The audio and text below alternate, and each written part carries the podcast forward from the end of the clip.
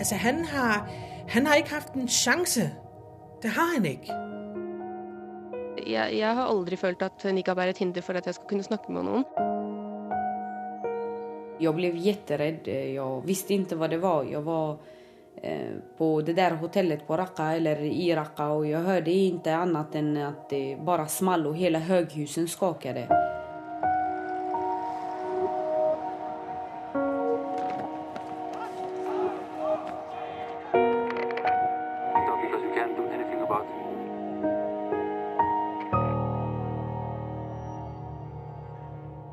Denne tredje episoden av Fremmedkrigerne fra Skandinavia starter med historien om norske Aisha, en av rundt ti norske kvinner som har dratt til den islamske staten. I forrige del fikk vi vite hvordan Aisha ble radikalisert. Informasjonen om hva som har skjedd med henne i Syria, er mangelfull. Familie og venner sitter med mange ubesvarte spørsmål.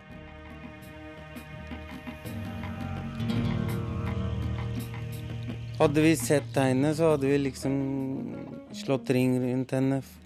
øh, fått henne i andre tanker. At dette var ikke greit. Hun øh, har fått vite at dette skulle være frelsen og ditten og datten, og at hun skulle gjøre noe godt. Nei, hun bare ringte meg plutselig fra Syria. Eh, og så hadde hun tatt med sønnen. Og da fikk jeg en sånn utrolig dårlig følelse. Eller jeg visste at et eller annet kom til å skje. Det er en som kjenner Aisha som forteller dette til oss anonymt. Stemmen tilhører en annen. Før IS kom, så var det jo romantiske bilder på nettet eh, av en mann med skjegg og en dame med nikab som liksom skulle dra til jihad sammen. Og kjempe i Syria for å befri folket fra Bashar. Målet var å befri det syriske folket fra presidenten i Syria, Bashar al-Assad.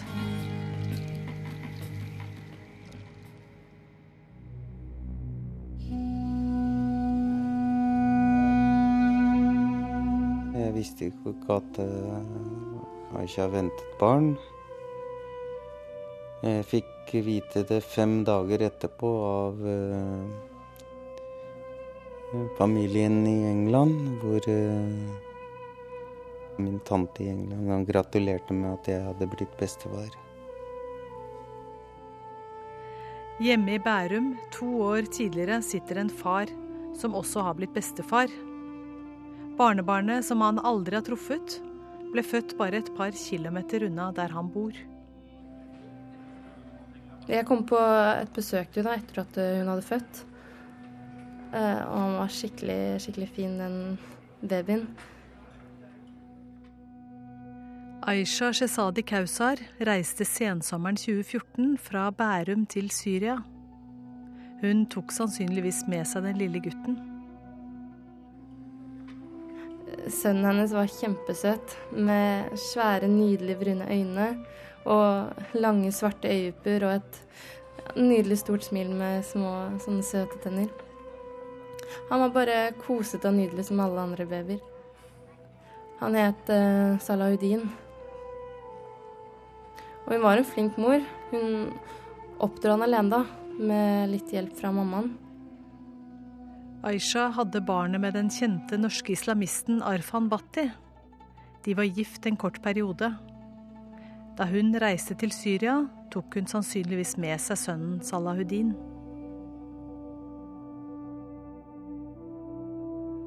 Jeg husker bare at han ble drept da han var litt over to.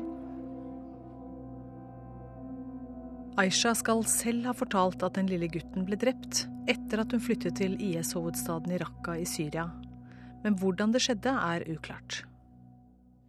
Det jeg har fått informasjon angående det med at barnet døde Name har hørt at barnebarnet døde. Men heller ikke det norske utenriksdepartementet vet hva som har skjedd med den norske toåringen. Har ikke fått noe informasjon i det hele tatt. Det går også mange rykter om Aisha. Det siste var jo at uh, De trodde hun var død, men så det er jo u ikke noe pålitelig informasjon, men Name lever i uvisshet fordi det meste av informasjonen fra krigsområdene i Syria er ubekreftet. Det Men eh, det er litt vanskelig å si her nå. Det er jo per dags dato mange barn, eller voksne barn, som eh, mot sine foreldres vilje reiser. Med den bakgrunnen som de har fått, at dette er uh, hellig krig.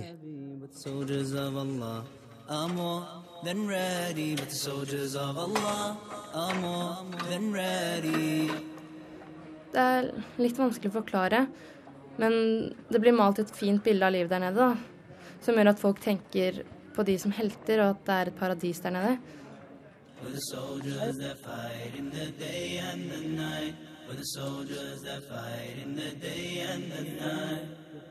Bildene og propagandaen frister mange av kvinnene til å reise til IS.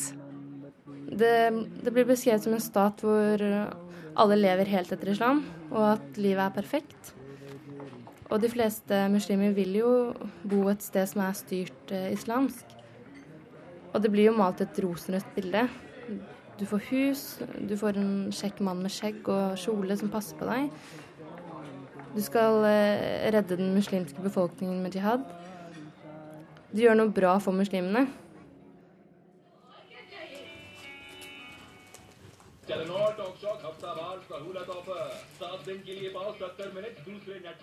Aisha var eh,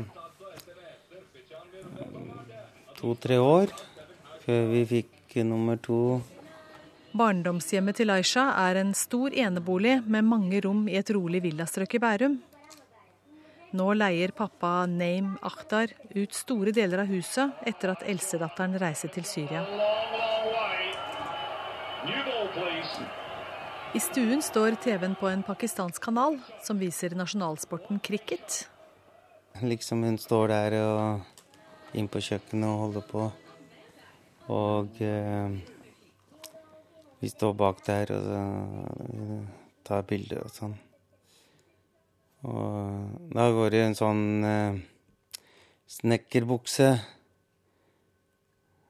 og en rød genser eller noe sånt. Eh, snekkerbuksa over genseren, så Det er et av bildene vi har hatt hengende her i huset. Men, eh, Men i dag er det ingen bilder av noen av døtrene på veggene. Familien er oppløst, og de fire andre jentene bor sammen med mammaen i en annen by på Østlandet.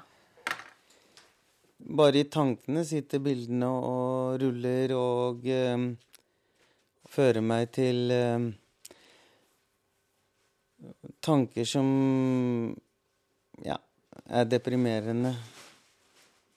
Det er derfor jeg ikke ville ha eller sette opp noen bilder. Aisha har tatt avstand fra faren og han har ikke sett datteren på over to år. Jeg la, la alt eh, bak meg og ville møte Aisha. Og, og hun var i, ikke villig til å møte med meg. Name og barnas mor hadde et opprivende samlivsbrudd, og Aisha og de fire yngre søstrene flyttet sammen med moren. Det er det siste jeg har sett. Uh, sto her i døra og ikke fikk komme inn eh, engang. Moren er informert om at vi lager program med Name som kilde, men hun ønsker ikke selv å delta.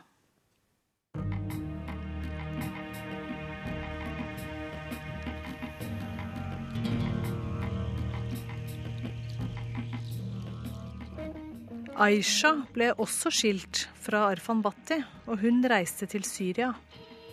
Der giftet hun seg med en annen kjent norsk islamist, Bastian Vaskes. Begge de to mennene har vært sentrale i den norske islamistgruppen Profetens Umma. Det siste året har det ikke vært noen kjente livstegn fra Bastian. Aisha hun skilte seg fra han en stund før han døde. Det er mange rykter om at Bastian er drept, men dødsfallet er ikke bekreftet. Eh, han døde som shahid. Shahid er de som eh, dør som martyrer.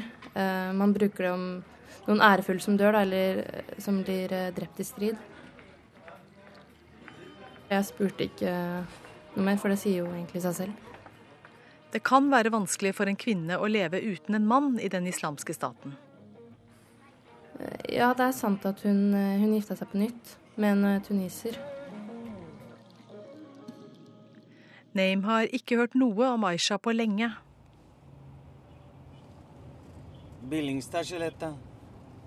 Billingstadsletta. Han kjører taxi og er ute på veien. Jeg har snakket med en som, som på en måte hadde mye kontakt med henne til inntil nylig. Ja vel. eh, På et sånt eh, chatteforum. Ok. Eh, Og der har hun sagt at hun har giftet seg på nytt. Ja vel. Med Med en tunisier. Ja vel. Det har ikke du hørt noe om? Nei. Hun er gravid igjen også, eh, i slutten av graviditeten. Eh, Og at hun venter barn med han. Ja vel. Mm. Jeg kjenner ikke til det. Kjenner ikke til det. Nei. Hva tenker du når du hører det, da? Jeg veit ikke hva jeg skal si. Det er jo det er der jeg hører fra. Og, og hva er riktig, hva er galt, det, det veit jeg ikke. Jeg veit ikke hva som foregår i hodet på henne. Hvem er han? Jeg kjenner ikke det. Veit ikke. Det er på en måte sjokkerende. Jeg har ikke noe ord på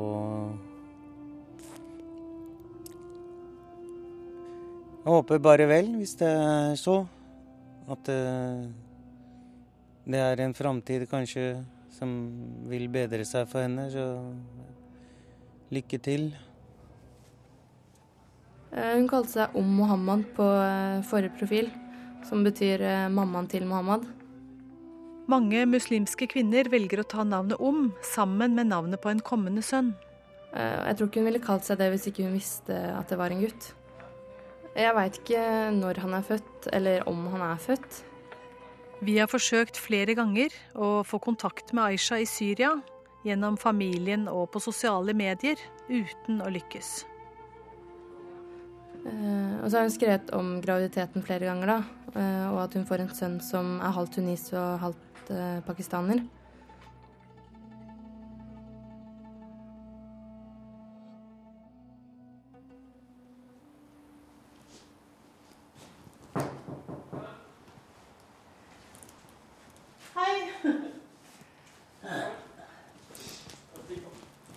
I en bakgård ved det gamle politihuset i Sandvika utenfor Oslo står inngangsdøren på vidt gap, selv om det er ganske kaldt ute. Utenfra er det ikke mulig å se at dette er en moské. Jeg har nettopp gjort wudu, så jeg kan dessverre ikke håndvise. Nei, jeg skjønner. Ja. Bare Du har nettopp gjort hva da? wudu, altså for å be. Ja, Og hvis jeg hilser på en kvinne, ja, så må jeg gjøre alt på nytt. ja. Da må du gjøre alt sammen på nytt. Ja, og Ja. det- jeg er litt lat person, kan du si. Nei, nei, men Så- du skal få slippe å ta meg i hånden. Ikke vondt ment også. Mohammed Mose er for tiden talsmann for moskeen i Sandvika.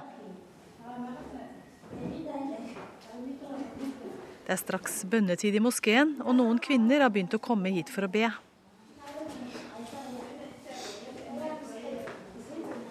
وبنينا فوقكم سبعا شدادا وجعلنا سراجا وهاجا For ca. fem år siden etablerte Al-Rahma Islamic Center seg i Sandvika sentrum. ماء ثجاجا لنخرج به حبا ونباتا Eh, det her er da kvinnedelen. Ja. Eh, Det er et bart rom med vegg-til-vegg-teppe på gulvet.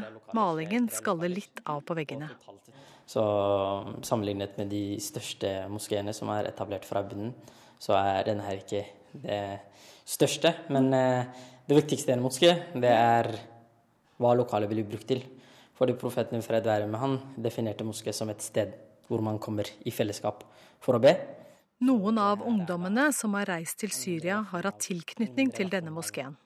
Ja, eh, uheldigvis. Ja, Eh, for det er det. Hva er egentlig Hva, hva tenker du om det? Altså, det jeg tenker er at det er en uheldig situasjon.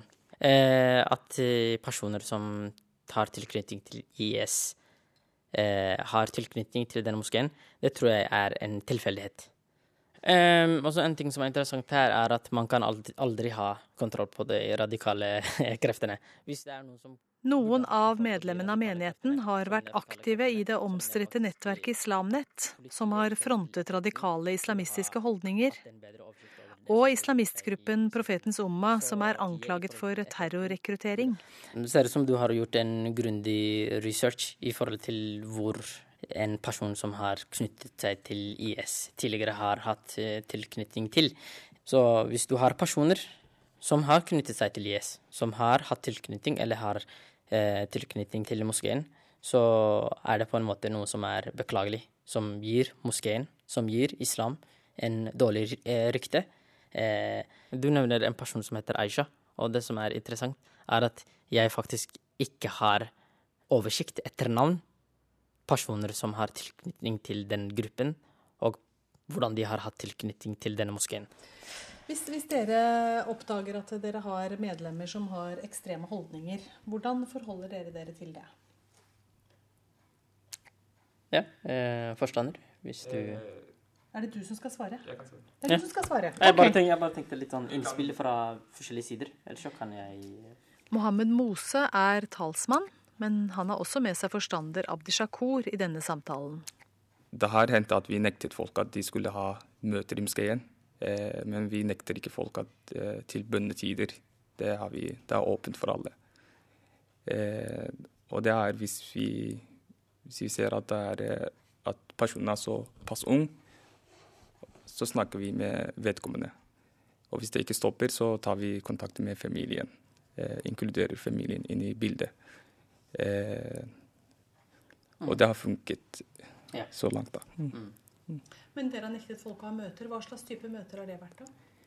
Eksempel at ungdommer kommer til moskeen og kanskje får en idé om at man skal diskutere det som skjer internasjonalt i verden i dag.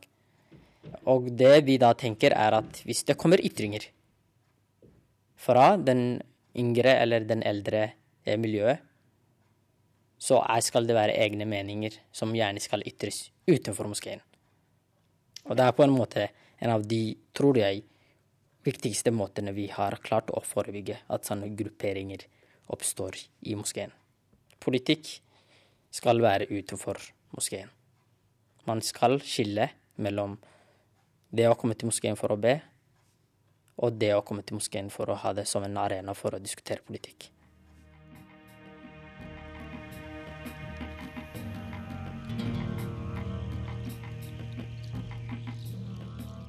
Og så hadde hun ofte sånne loppemarked til inntekt for eh, veldedighet. Men eh, hun kunne bli ganske sånn engasjert i diskusjoner og sånn med folk som var uenige. Familien til Aisha er knyttet til en annen moské i Bærum. Men hun valgte å heller gå i denne moskeen i Sandvika.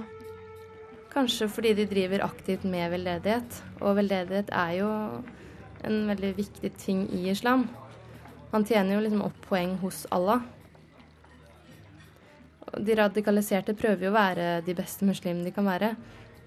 Men så går det jo feil vei noen steder. Aisha var i denne perioden veldig opptatt av islam.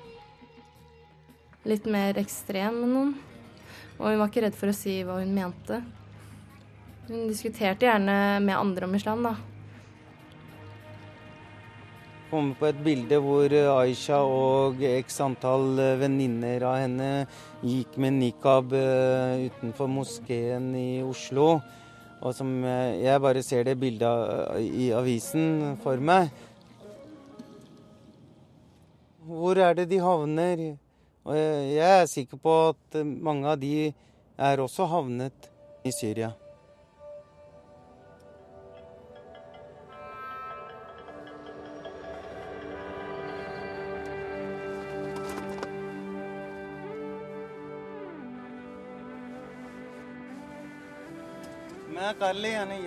Ringer kunden og sier at du er der. OK? Ja. baby, pointing out the... Skal vi se.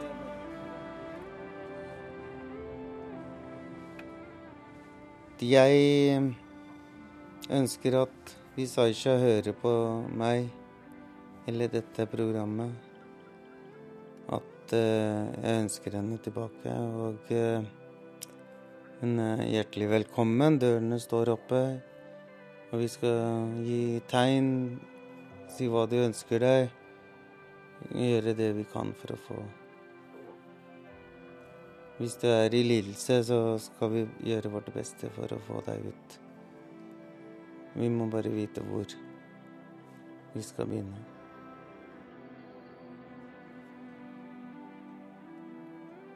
Det er mitt barn, så det er, eh, kommer alltid til å være det. Så det er det som er.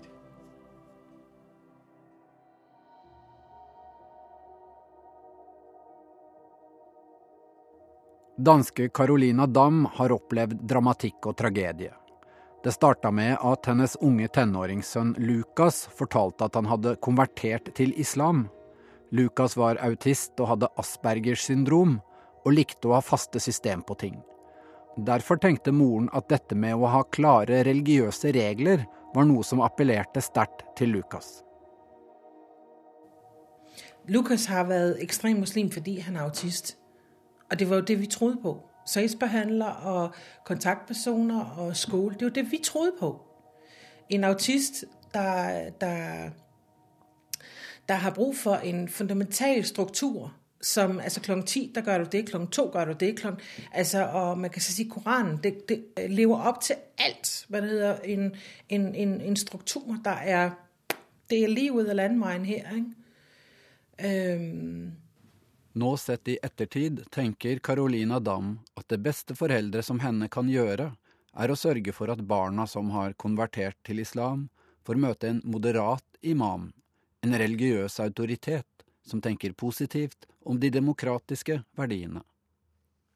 Øhm, og så simpelthen øh, være sikker på, at du får snakket med den her imam, at dit barn er dernede hver uge. Altså, så du er sikker på, at, at de kommer den rigtige sted hen. Og når jeg sier rigtig sted, så er målet vel at opleve den smukke form for religion. Carolina opplevde at sønnen Lukas ble svært religiøs, i retning salafismen og en bokstavtro tolkning av islamske grunntekster. Uh, og jeg skal være den første til å si at uh, salafisme ikke er smukt. Sorry, men sånn har jeg det. Uh, og hvis jeg kunne gjøre hva jeg kunne den gang, så var det her en ting. At, at være mer involveret i min sønns muslimske verden. Lukas konverterte til islam som ung tenåring. På en praksisplass på et bilverksted møtte han en aktiv, radikal muslim som han fikk nær kontakt med. Carolina forsøkte å holde sønnen tilbake i forhold til regler. I starten kranglet de om mat og kosthold. Lukas spiste tunfisk på boks, og ville at moren kjøpte nye gryter og kjøkkenutstyr som aldri hadde vært brukt til svinekjøtt. Øh, alle vores kampe i forhold til maden. Ikke? Altså, han gikk i sultestrække i flere måneder, fordi han ville ikke have, at der var noen andre, der skulle ha svinekød i huset. Øhm, han ville have, at der skulle være nye øh, borer nede i køkkenet? Altså, nye gryder og panner. Ikke? Altså, Som mor ville Carolina at han skulle akseptere at lillebroren fikk spise røde pølser. Og han er nødt til at forstå, at vi andre er ikke muslimer. Og hvis lillebror vil have en, en, en rød pølse, så skal han satan ned med at have en rød pølse. Og det bestemmer ham her altså ikke.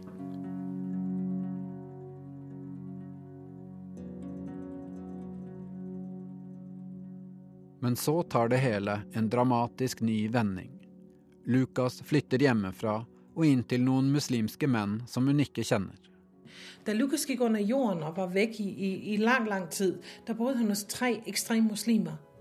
Der har kommunen vidst det, der har kontaktpersonerne vidst det, og politiet har også vidst det. Fordi jeg selvfølgelig som mor ringer til politiet vil efterlyst min søn. For jeg synes ikke, det er okay, at min 15-årige knægt bor hos tre ekstreme muslimer, jeg ikke kender. Jeg ved ikke noget om. Øh, men der kunne de ikke gøre noget, fordi der har Lukas fået at af de her gutter, at han skal kontakte meg en gang om dagen, så kan det ikke laves en efterlysningssag. Lukas forteller moren at de andre gjerne vil ha med til Egypt. Carolina forsøker å få hjelp av politi og kommune, men det er lite de kan gjøre, siden det ikke har skjedd noe ulovlig, og Lukas holder kontakten med henne. De vil også ha ham til Egypten. Det forteller han med også. Jeg fjerner hans pass og gemmer den. Jeg forteller også det her til politiet. Det er ikke noe å gøre. Altså, så længe de agerer lige under radaren, de har ikke lavet noget ulovligt. Og jeg synes bare, i min verden, der er det ulovligt, at man, har, øh, man hjælper en 15-årig at gå under jorden. Altså, jeg synes ikke, det er okay. Carolina har nå et dilemma. Hun velger å ha mest mulig kontakt med sønnen og møter ham på ulike parkeringsplasser og lignende, med rent sengetøy og nye klær. Kommunen mener hun burde kutte forbindelsen, slik at Lukas vil savne hjemmet sitt og komme tilbake. Fuck det. Det er min dreng. Det er fandme min dreng. Han skal vite at jeg vil gå gjennom ild og vann for å redde ham, for å hjelpe ham ut av alle de her ting her. Det kan godt være, at han tror, han er et godt sted, men jeg er hans mor. Og jeg synes ikke, han er et godt sted. Og det skal han vite. Hvis politi og kommune hadde visst hva som i virkeligheten foregikk, tenker Carolina at de nok ville funnet måter å gripe inn på. Altså, de kunne ha grepet inn på mange andre områder, men de har jo ikke visst hva det foregikk, heller ikke. Det har de jo ikke visst. Ellers hadde de gjort annerledes. Politiet har heller ikke visst hva faen der sker. Ellers hadde de funnet en annen mulighet. Det er jeg sikker på. Den er nødt til å tro på. Det var en veldig vanskelig situasjon for alle parter. Jeg kan ikke navigere rundt i, i, i alt det, der har foregået. Da blir jeg nødt til å ha noe hjelp på en eller annen måte. Lukas havnet også i en umulig situasjon, mener Carolina. Altså, han har, han har ikke haft en sjanse. Det har han ikke.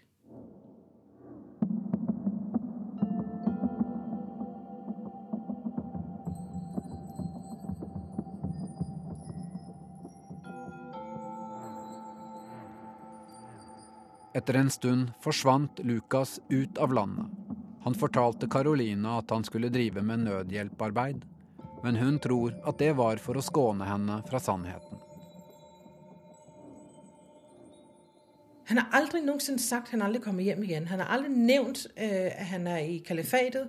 Eller, altså, han har tværtimod sagt, at han laver nødhjelp. Han har ikke sagt sannheten. Er det for å skåne meg? Ja, det tror jeg, det er. Carolina jobber for å bygge opp et nettverk for foreldre til fremmedkrigere.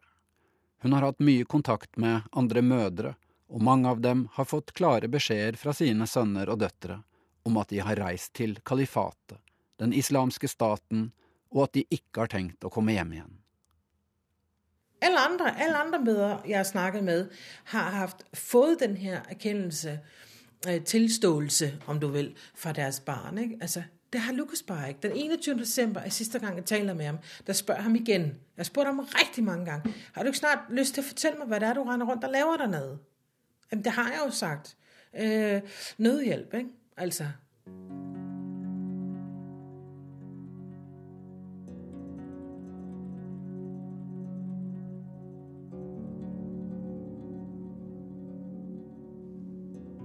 Carolina fikk aldri se sønnen sin igjen. Hun tror myndighetene hadde fått vite ting da det skjedde, men ingen kontaktet henne eller sendte noen krisepsykolog. Gjennom en Facebook-side fikk hun sjokkerende nyheter om at sønnen var død, som jihadist, religiøs kriger for IS i Syria. Da jeg kom inn i denne Facebook-gruppa mandagen 13.22, der har både Vink og PET visst det. Men ikke en av dem har tenkt når vi sender en krisepsykolog, eller vi skal lige sikre os, at den her mor, hun øh, har nogen at være sammen med, fordi hun skal igennem noget, noget vanvittigt. Øhm, nej, du sidder bare helt alene og skal selv navigere rundt i det, selv finde ud af, at ikke nok med, at han ikke er i Tyrkiet, men han er i Syrien, så er han ovenikøbet sammen med ISIS, og så er han ovenikøbet død. Altså, det skal du opdage på en Facebook-side, helt alene. I ettertid sitter en mamma og tenker tilbake. Hun ante ikke omfanget av sønnens radikalisering. Hun trodde han var blitt en som fulgte de muslimske reglene strengt fordi han var autistisk. Jeg visste ikke, der var noe som het radikaliseret, før han døde. Lukas var jo ekstrem muslim, fordi han var autist. Hadde jeg visst de her ting dengang, så hadde jeg jo også satt meg inn i det. Det hadde jeg. Hadde Carolina forstått, ville hun gjort noe med det. Hun håper og tror i hvert fall at hun hadde klart å gripe inn, og at Lukas kunne ha vært i live. De ting her, jeg er da sikker på, hvis jeg hadde visst de her ting, så hadde han da vært i live. Det hadde han da. Det er jeg nødt til å tro.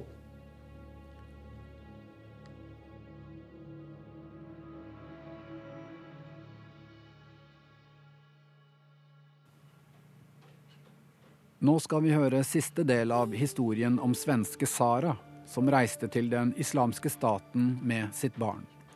Hun er helt anonymisert, og stemmen tilhører en annen. Saras opplevelser er vanskelig å dokumentere, men hun forteller at hun havnet i fengsel for å ha reist ut av hovedstaden Raqqa uten tillatelse. Etter en måned slippes hun fri, og sammen med barnet drar hun tilbake til hotellet de bor på. Men tvilen har begynt å vokse. Jag gick tillbaka till hotellet men jag var fortfarande osäker på om IS var rätt eller fel. Jag var inte säker än. Det kändes som att jag gick in i två väggar som krossade mig. Eh, Det var precis eh, så jag kände mig. Jag var helt förvirrad, jättetrött i huvudet. Det arrangeres offentlige henrettelser, og det finnes våpen overalt. Så hade jag en vän som hade en Klasjnikov och jag valde att byta med en pistol mot hennes Kalashnikov. Eh, Sara opplever også et spesielt frieri. En rose i en håndgranat.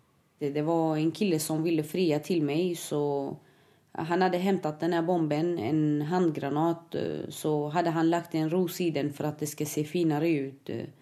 Han la den utenfor min dør og knakket og gikk derifra, så når jeg öppnade så lå den där. Sara takker nei, men det er et sterkt press på ugifte kvinner, så etter hvert går hun med på å gifte seg med en velstående mann som har en god posisjon innen IS. Jeg ville gjøre det her for att eh, få et rykte og at nå er jeg en gift kvinne, så at de skulle slutte å presse meg. Sara føler seg tryggere, og man aksepterer å vente med det fysiske. Bara för att få käft på folket. Det var bara därför.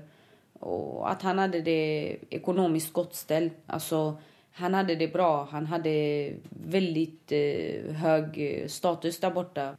Det var ingen som kunde köta med mig när de vet att det här är min man. Så eh, det hände aldrig.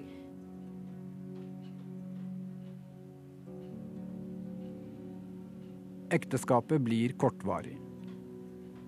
Mannen dør i strid mot kurdiske styrker nær byen Kobane.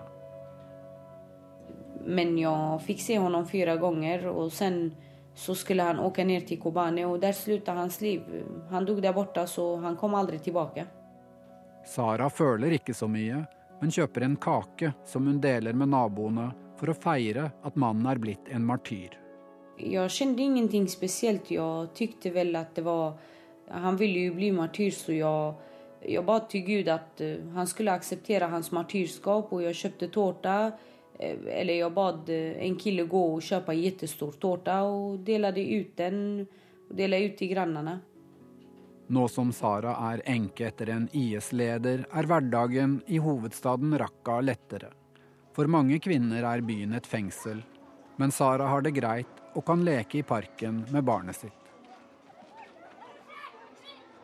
Varje dag så hittade vi på någonting med barnen. Jeg Jag tog ut dem, det var olika. Eksempelvis exempelvis, eh, vi kan gå till parken. Jeg Jag bodde mitt i stan så allting låg jättenära mig. Eh, Vi kan gå till parken och sitta där och springa runt och leka i flera timmar. Det er billig mat på restaurantene og hoppeslott i parken. Sen eh, kan vi stanna vid en restaurang, ta med mat. Allt är så billigt så det spelar ingen roll. Eh, Man äter allihopa och sen så sen kan man fortsätta leka. Sara får nesten 200 amerikanske dollar i måneden. Europeerne i IS får bedre lønn og bedre behandling enn syriske IS-medlemmer. De gav meg alt hva jeg ville ha. Ville jeg ha en bil så fikk jeg en bil. Ville jeg ha et hem så fikk jeg et hem. Ville jeg ha penger, så fikk jeg pengar. Men bak hverdagene ligger en frykt og usikkerhet. Droner som slipper bomber, begynner å angripe byen. Jeg ble kjemperedd. Jeg visste ikke hva det var. Jeg var eh, på det der hotellet på Raqqa eller i Raqqa og jeg hørte ikke annet enn at det bare smalt, og hele høghusen skakade. Jeg fattet ikke hva det var. Jeg bare ah, sådär. Sen flera gånger har jag hamnat mitt i det och det har brunnit överallt och jag har bara legat avsvimmat och eh, de har kommit och tagit ut mig och bärt mig. I de IS-kontrollerte områdene intensiveres bombeangrepene. De kommer fra Russland og den syriske presidentens styrker og den USA-ledede koalisjonen. Det märks och alla pratar om det och det märks på alla möjliga sätt och det känns på alla sätt. Alltså, det är en annan skräck, speciellt eh, det som har, eh, som har det med Ryssland. Eh, det varje dag så trodde man att nu är det min tur och även om man ville dö så blev man ändå rädd på vilket sätt man ska dö. Alle er redde for hvordan man skal dø. Kvinnene barberer seg ofte på ben og armer, sier Sara med et smil. De vil ikke dø med hårete legger. En rolig grej, Kvinnene brukade vara veldig nøye med å rake seg på benene og armer og allting For at uh, om de dør, så vil de ikke at noen skal plukke opp dem og se alt hår som de har på kroppen.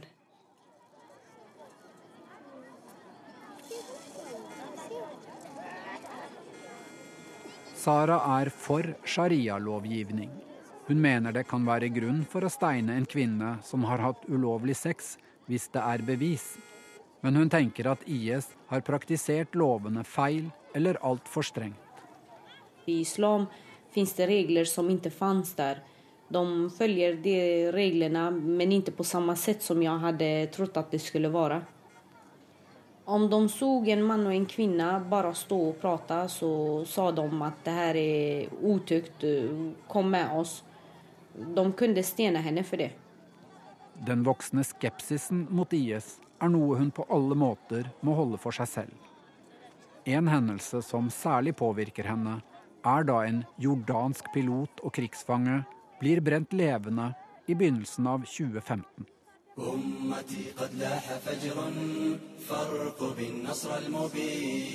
Den jordanske piloten Moaz El-Kassasbe dödades redan den 3 januari, sier en talesman for den jordanske militären. I kungörelsen kallas piloten for en hjälte som dött martyrdöden.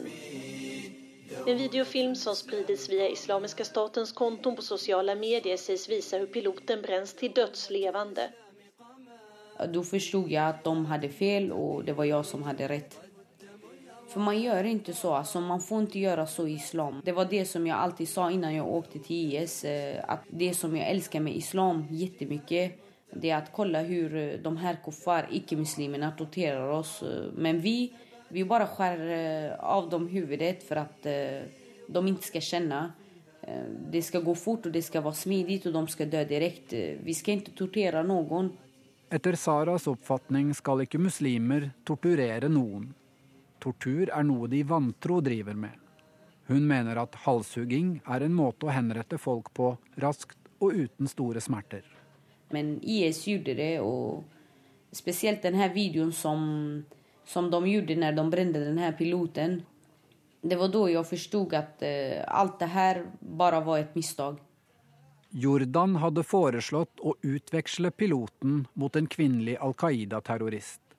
Men da IS avviste dette, tenkte Sara at IS ikke bryr seg om kvinner. Sara synes også at alle sexslavene er i strid med islam. Også svenske fremmedkrigere hadde sexslaver. Ja, det her, en av de her historiene fikk jeg vite av en svensk kille, og han fortalte i detalj hva han gjorde med henne. det var alt mulig. Han, hvordan eh, han hadde samlag med henne han visade mig vad hon fick ha på sig för vad man ska säga, sexiga underkläder, smink, hur hon skulle sminka sig. Han sålde vidare henne till en annan person. Det blev för känsligt tror jag. I den islamske staten er kvinnene mannens eiendom, mener Sara. Men de er ikke uskyldige offer. Noen kvinner har reist ned for å gifte seg, og tror at hvis mannen dør som martyr, kan også de komme til paradis hvis de ikke gifter seg igjen. Andre kommer ned for å delta som krigere. Mange kvinner har trott at de skal få delta i strid. Mange kvinner har fått tro at de skal få gjøre saker som de ikke får. Eh, som ja, delta i strid, skjære av hodet. I den islamske staten kan kvinner også være moralpoliti, som kan straffe andre kvinner med piskeslag. Sara mener den islamske staten fungerte som en stat, med politi og domstol. Men det er et land ingen skal tørre å forlate. IS river opp passene til de fleste utlendinger som slutter seg til dem. De holder alle tyste og, og i sjakk for at de har satt skrekk i deres hjerte. Folk er redde. Men så skjer en stor ting. En venn av Sara dør, og hun får panikk og vil komme seg vekk. Det var en, eh, jag, en eh, anhörig omkom så jag, eh, jag fick panik och jag var rädd om det som jag hade tagit med mig dit. Och jag blev väldigt stressad och tänkte att jag måste ta mig härifrån annars så kommer jag att förlora ännu mer. I kaoset etter et rakettangrep som rammet bygget til IS sin sikkerhetstjeneste, får Sara hjelp til å komme seg ut av den islamske staten. Hun kommer seg til en grenseby nær Tyrkia, kontrollert av gruppen Frie syriske armeen og Nusra-fronten. Hun forteller at hun gir fra seg gull. Så var det to menn som kom fram til meg, og de kom direkte til meg og de ville prate. Så jeg hadde på meg masse gull som de tok. og De sa at de visste at jeg kom fra IS, men jeg sa at det ikke alls var sant. Sara blir banket opp. Just de var från eh, FSA. Eh, de var ikke Nusra. De sa at de vet at jeg ljuger og at de ville ha min informasjon.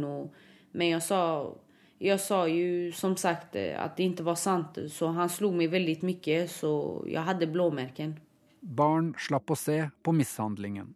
Ja, de fikk ikke se. De fikk være på et annet sted og titte på barnprogram på en telefon. Selv om de tror hun kommer fra IS, har de ingen bevis og hun slipper over grensa sammen med barnet sitt. For at de kunne ikke finne bevis. De hadde min telefon, og det fantes ingen bevis på telefonen. og Da lot de meg gå, så fra Idlib så fikk jeg promenere til Tyrkia. Det var vel noen timer. Eh, man kunne se Tyrkias eh, dagslys på kveldene, for vi hadde ingen el.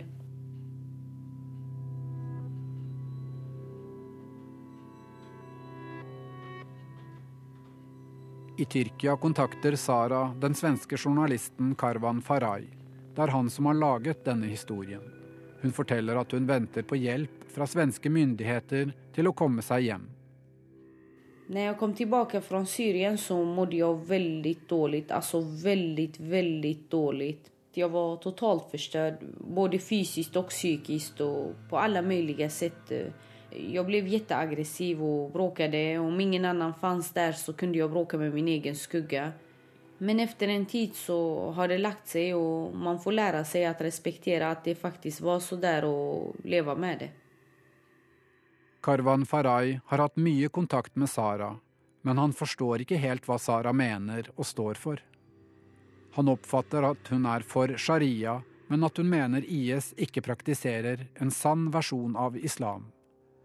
Selv om hun har vært gift med en IS-leder, føler hun ingen skyld, fordi hun ikke selv har begått voldelige handlinger. Og Sara kan gripe seg i å savne den islamske staten. Om du koller inn i dag, om jeg kollar på propagandafilmer fra IS, jeg kan bli helt knepp og tenke hvorfor lämnade jeg der borte'? Men sen når jeg sitter og tenker på det så er det ikke alls så der. De ljuger, det er ikke sant. Hur kan en tjej som du ta med seg barn dit? Altså, hva rettferdiger det? Karvan spør Sara hvordan hun som mor kunne reise ned med et lite barn. Jeg vet ikke hva det var som fikk meg til ikke tenke at det er drønerattakker der. Jeg kan risikere mitt liv og barnets liv. Jeg tenkte aldri det. Det er ikke at jeg vil forsvare meg selv. Jeg vet at det ble feil. Och hela grejen var fel. Jag förklarar bara hur jag tänkte då. Alltså, jag brydde mig inte så mycket om konsekvenserna om jag ska vara ärlig. Men jag ville gå för att jag trodde inte på det världsliga livet. Så ideologin vägde mycket mer än allt annat på jorden. Ja, precis. Dette var siste del av historien om Sara. Hun er anonymisert, og detaljer er tatt vekk av hensyn til hennes sikkerhet. Hun frykter hva IS-sympatisører kan gjøre mot henne. De kan skada meg, de kan døde meg, masse ulike sett. Tror du de har den kapasiteten? Ja, det fins folk her som elsker dem. Um, De elsker dem så mye at de skulle kunne gjøre en sånn greie. De bryr seg ikke, Men jeg bryr meg ikke heller.